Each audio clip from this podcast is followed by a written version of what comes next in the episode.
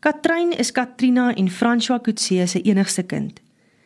Sy het in die stad groot geword waar haar ma musiek gegee het en haar pa die hoof van een van die voorste seunskole was. Toe stuur hulle hul enigste meisiekind universiteit toe op dieselfde hoëveld wat die drie vroue voor haar so gehaat het. Katrein het haar ouma Cathy nooit geken nie, want sy is oorlede voordat Katrein gebore is. Katrein sê haar ma sê ouma Cathy kon die geilte van die bietjie voorspoed by die kwekery nie hanteer nie. Die gebrek aan gebrek was te veel vir haar. Die eensaamheid sonder haar kinders het ook oor haar die laaste klompie jare sy tol geëis. Hester het so betrokke geraak by die kwekery dat sy ook nie te veel aandag aan haar ma kon skenk nie. So goed het Hester gewerk dat sy die bestuurder van die kwekery geword het. Maar daarvoor moes sy na 'n ander deel van die stad toe verhuis en ouma Cathy het alleen en verlate moes agterbly omdat sy nie kans gesien het daarvoor om 'n nuwe omgewing en nuwe mense te leer ken nie. Vandag besit Hester haar eie kwekery net buite die stad. Sy's nooit getroud nie. Wat wil sy met 'n man maak? Toe hulle in hulle lewe 'n man nodig gehad het, was dit net mans soos Henny Duisel en Dors Ferreira. Jopie en sy vrou het pakket gevat na baie jare in die staatsdiens. Sekuriteit, het Jopie gesê, was al wat hy ooit in sy lewe begeer het.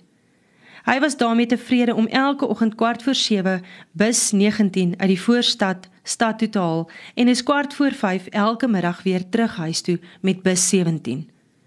In sy 42 jaar in die departement van handel en nywerheid was Jopie nie een enkele dag afwesig nie. Hulle twee kinders is met Beurse Universiteit toe. Klein Cathy het 'n arbeidsterapeut geword en klein Joop is 'n prokureur in die stad. Dit is die storie van die drie vroue, Amlet, Cathy en Katrina. Die novel wat die meisie Katrein vir my kom vra het om te skryf. Ek bære die lywe geleer en maak die rekenaar toe net toe sy by die kantoor deur instorm en voor my lesenaar kom staan. So bleek en ontstook het ek haar nog nooit gesien nie. Katrein staan uit asem voor my. Ek wil net iets romantiserig sê, maar ek besef gelukkig betyds dat dit nie nou die tyd vir simpel grappies is nie. Sy praat asof haar mond kurkdroog is. Haar stem is 'n heus fluistering, soos wat sy sukkel om haar in te hou. Die rektor wil my sien, asof die rektor die aangeklaagde is. Seker dreig om my beurs te kanselleer, dalk nog alles moet terugbetaal. Ek staan agter die lesenaar op en probeer haar in my arms neem terwyl ek die verkeerdste ding onder die omstandighede sê. Kalmeer. En dit terwyl ek self nie kalm is nie. Kalmeer. Is dit al wat jy kan sê? Ek moes geweet het sy is meer ontstoke as ontsteld. Nee, ek weet nie, want ek het ook 'n e-pos van die rektor se kantoor gekry. Hy wil ons albei 10 uur in sy kantoor spreek en dit kan net een ding beteken. As hy my skors, is dit die einde van vier geslagte vroue se droom. En dit is my skuld, sê ek. Dis die vloek van vier vroue, bars sy uit en ek ruik haar hare so skoon asof dit pas gewas is met peperduur shampoo. Dink nou mooi. Probeer ek kalm vra. Waarvan kan hy ons beskuldig? Dat 'n sekretaresse ons voor jou woonstel deurgesien het? Wat bewys dit? Die onreg van vooroordeel, sê sy. Laat ons eers gaan hoor wat die nuwe rektor sê. Dit is asof sy tog effens kalmeer. Kan daar in hierdie moderne eeu nog sulke middeleeuse wette wees wat mense van liefde wil beskuldig? Vra sy en trek haar asem in. Dit maak die liefde strafbaar, sê sy en haar trane is souterig op haar lippe toe ek haar soen. Ek moes van beter geweet het, verweer ek. Liefde hoef nie van beter te weet nie. Ek is jou dosent. Dankie tog daarvoor, sê sy. Jy sê die rektor het jou ook laat weet vra ek onnodig vir Katrein, alhoewel ek al van vanoggend vroeg af weet omdat die rektor se sekretaresse my gebel het net om die afspraak te bevestig. Vir ingeval jy of juffrou Kutse nie vroeg julle e-pos oopgemaak het nie. Ek dink ek het gesê ek het dit oopgemaak. Die rektor wil jou sien, professor, vir jou en juffrou Kutse. Hy wil iets bespreek wat julle albei raak. Ek ken die stem.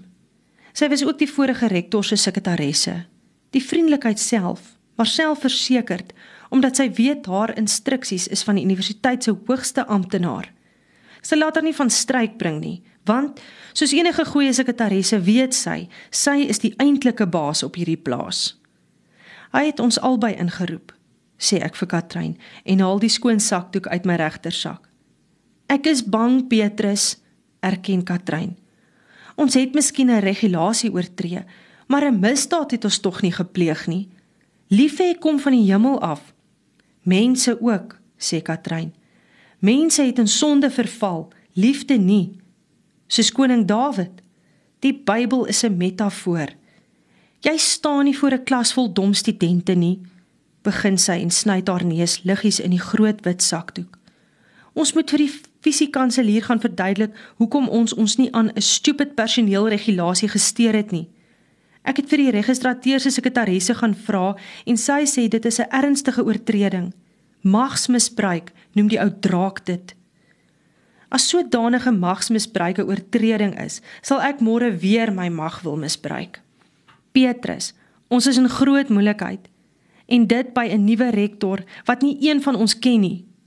Hy moet hom nog in sy pos bewys. Ek weet nie eens wat sy van is nie, my lief, maar ek sal vir hom die situasie verduidelik. 'n Mens in so 'n hoë pos is daar omdat hy verstaan. Jy weet is nie altyd waar nie. Die geskiedenis waaroor jy skryf, spreek van die teendeel. Dis kwart voor 10, sê ek en vat my personeelkaart en my selfoon. Kom ons loop. Laat ons dit dan net agter die rug kry. Dalk is hy 'n mens met 'n hart wat verstaan dat liefde haar nie aan 'n liefdelose regulasie kan steur nie. Ek laat haar voor my uitloop.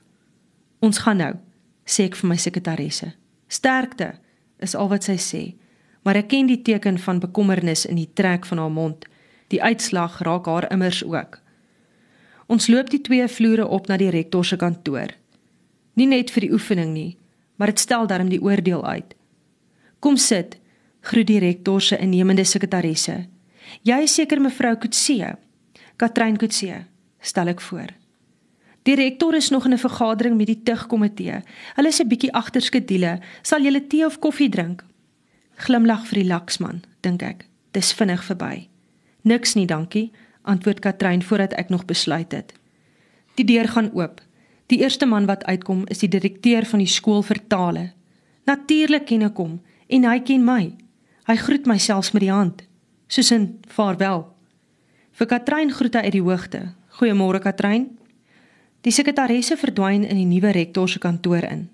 "Julle kan ingaan," sê die spinnekop vir die motte toe sy terugkom. Hy is 'n lang, skraal man, onberispelik in 'n donker pak klere met 'n rooi das en 'n wit hemp. Innemend, soos sy sekretaresse. Hy groet ons albei met die hand. "Tereko," sê hy. "Jakob Tereko." "Aangename kennis," sê ek en Katrein sê dit agter my aan asof ons dit saam voor die spieël geoefen het. Ek kyk na Katrein, maar dit lyk nie vir my of die rektor se naam enigsins by haar geregistreer nie. Hoekom sou dit? Sy het nie haar geskiedenis nagegaan soos wat ek dit moes nagaan nie.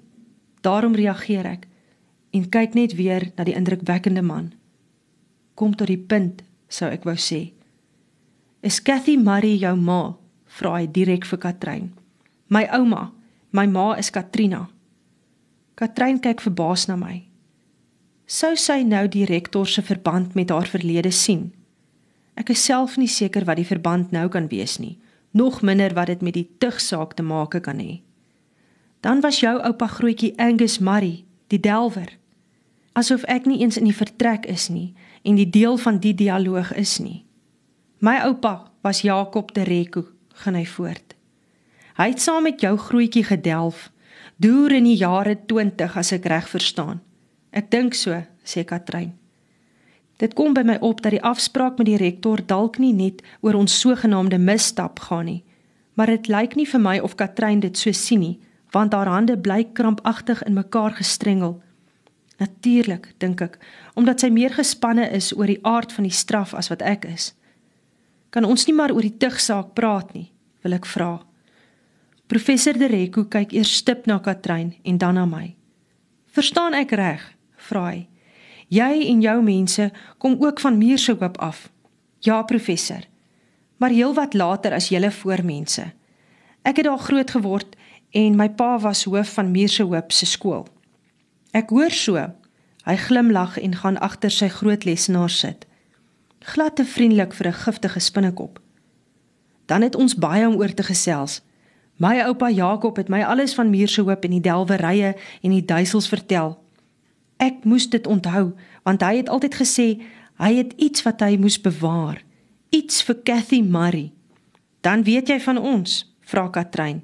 En ek is nie seker van watter ons sy praat nie. Ek dink sy hoop hy weet nie van alles nie.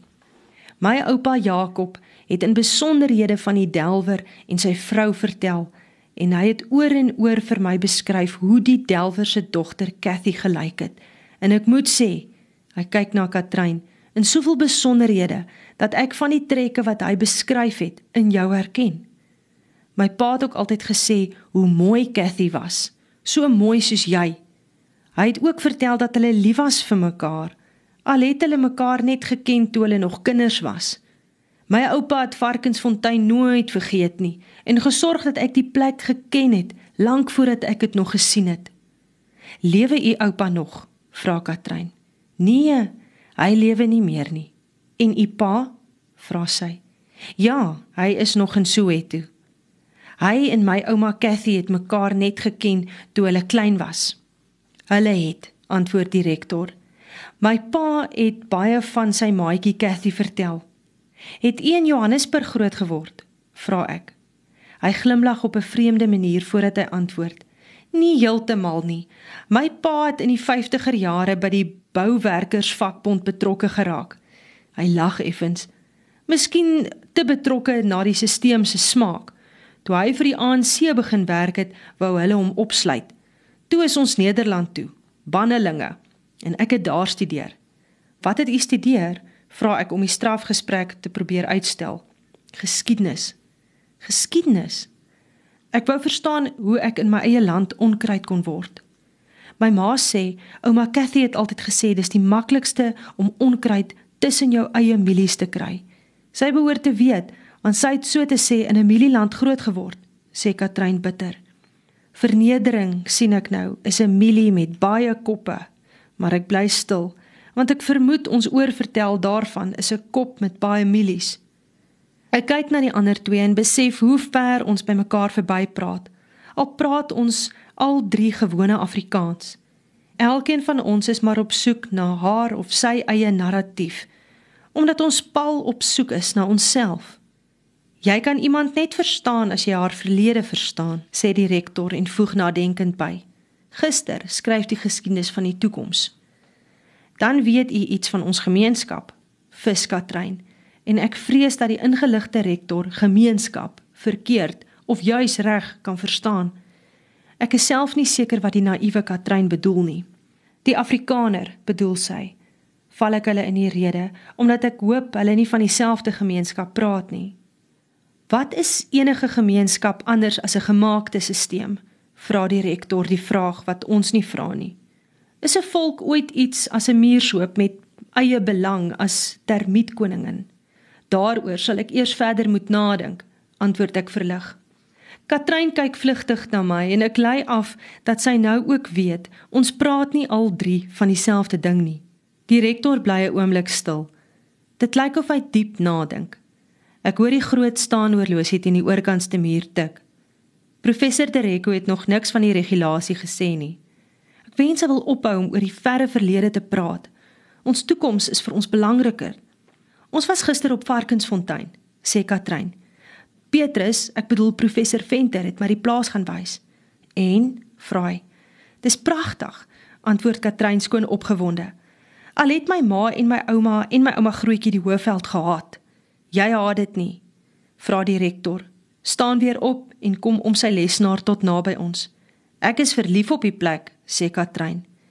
Varkensfontein is besonder mooi vanjaar, voeg ek by. Ek weet, ek was daar. Jy het seker gehoor dat Varkensfontein in die mark is. Ek en Katrein staar na mekaar. "U jok," sê Katrein impulsief en die rektor glimlag. "Die grond in die distrik is deesdae net so onbetaalbaar duur," sê ek. "Ek weet," sê Dereko. "As ons die geld gehad het," begin Katrein maar die rektor draai om en loop weer agter sy donker lesenaar in. Hy trek 'n laai oop. "Dalk het jy geld, Katrein," sê hy terwyl hy sy hand in die laai steek. In sy versorgde hand lê 'n plat oudtydse sambok salfblikkie met 'n wit deksel wat al bruin geword het van ouderdom. Dit is joune. Wat is dit? vra sy. Jakob maak die deksel van die blikkie versigtig oop. In die droë salf blink twee diamante. Hou die oop blikkie na haar toe uit. Saam kyk ons hoe Katrein met 'n slank voorvinger aan die klippies in die salf raak. Twee mooi diamante. Jou oupa grootjie het dit vir my oupa in bewaring gegee. My pa het vir my gevra om na enige afstammeling van Cathy Murray hier te kom soek. My oupa Jakob het die ou Skotse delwer beloof om die diamante op te pas en aan 'n Murray wat dit nodig het en wat dit verstandig sal kan gebruik te gee. Toe het my oupa my laat beloof om te bly soek. Vandag, amper 100 jaar later, het die Derekos en die Marries mekaar gekry. Sal dit genoeg wees om Varkensfontein te koop? Vra Katrein. En ek weet dat selfs twee diamante in hierdie moderne tye skaars die helfte van die plaas sal kan koop. Nee, dit lyk vir my nie of jy genoeg het om Varkensfontein te koop nie. Sou jy wou? Vra Jakob Tereko en ek is seker hy wag gespanne op haar antwoord. Ons was mos daar, sê Katrein. Dis pragtig maar ons het nie genoeg geld nie. En as ek en julle dit saam koop, nie een van ons praat nie. Totdat die rektor glimlag, die blikkie toemaak en dit in Katrein se hand toevou. Daar is bepaal diamante in die kruie salf. Die helfte van Varkensfontein in die distrik Muursehoop op die Noordwes Hoëveld. Daar waar 'n droom eendag lank, lank gelede tussen die bantums begin blink het. Ek het nog net genoeg om die helfte van Varkensfontein te koop, sê Dereko. Ons sal dit saam koop, besluit Katrein. Is dit hoekom u ons ingeroep het? vra ek vir Jakob. Ja, sê hy. Ek het besef dat ek en julle dieselfde belang het. Amazing, sê Katrein. Genade, sê ek. Petrus skryf juis die storie van ons muurshoop. Wat van die tugsaak? vra ek ewe onnosel. Watter tugsaak? U volgende afspraak professor onderbreek die rektor se sekretaresse ons. Ons praat weer. Groet Jakob de Reko. Hoopelik by Varkensfontein se voordeur. En hulle het vir altyd en altyd gelukkig saamgewoon, sê Katrein toe ons die trap afloop. Jy klink soos oom Berend van Muiskraal, sê ek. Wie is die oom Berend? vra sy. Almal weet, maar niemand weet verseker nie.